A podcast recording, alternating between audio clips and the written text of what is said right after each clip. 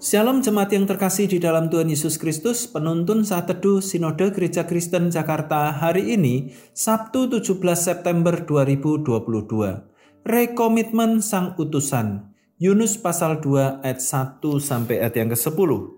Berdoalah Yunus kepada Tuhan Allahnya dari dalam perut ikan itu katanya. Dalam kesusahanku aku berseru kepada Tuhan dan ia menjawab aku dari tengah-tengah dunia orang mati aku berteriak dan kau dengarkan suaraku. Telah kau lemparkan aku ke tempat yang dalam ke pusat lautan. Lalu aku terangkum oleh arus air, segala gelora dan gelombangmu melingkupi aku. Dan aku berkata, telah terusir aku dari hadapan matamu. Mungkinkah aku memandang lagi baitmu yang kudus? Segala air telah mengepung aku, mengancam nyawaku, samudra raya merangkum aku, lumut lautan membelit kepalaku, di dasar gunung-gunung aku tenggelam ke dasar bumi, pintunya terpalang ke belakangku untuk selama-lamanya. Ketika itulah engkau naikkan nyawaku dari dalam liang kubur. Ya Tuhan Allahku, Ketika jiwaku letih lesu di dalam aku, teringatlah aku kepada Tuhan dan sampailah doaku kepadamu ke dalam baitmu yang kudus. Mereka yang berpegang teguh pada berhala kesia-siaan, merekalah yang meninggalkan dia, yang mengasihi mereka dengan setia. Tetapi aku dengan ucapan syukur akan kupersembahkan korban kepadamu. Apa yang kunasarkan akan kubayar. Keselamatan adalah dari Tuhan. Lalu berfirmanlah Tuhan kepada ikan itu, dan ikan itu pun memuntahkan Yunus ke darat. Seberapa besar pengaruh suatu resolusi atau keputusan yang dibuat seseorang dalam momen tertentu, seperti akhir tahun?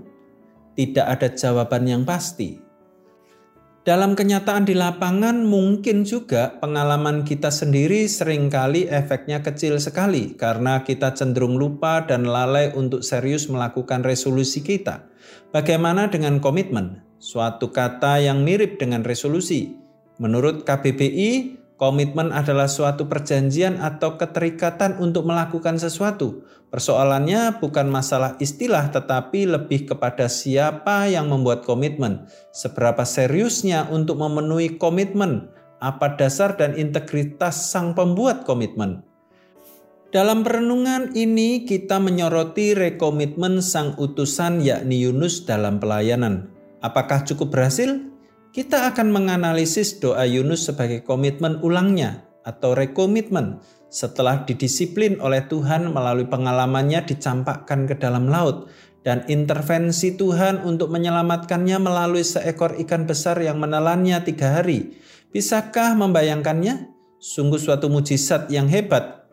Yunus masih bisa hidup dan berdoa. Yunus menaikkan ucapan syukur kepada Tuhan dan membuat pengakuan bahwa Tuhan adalah sumber keselamatan.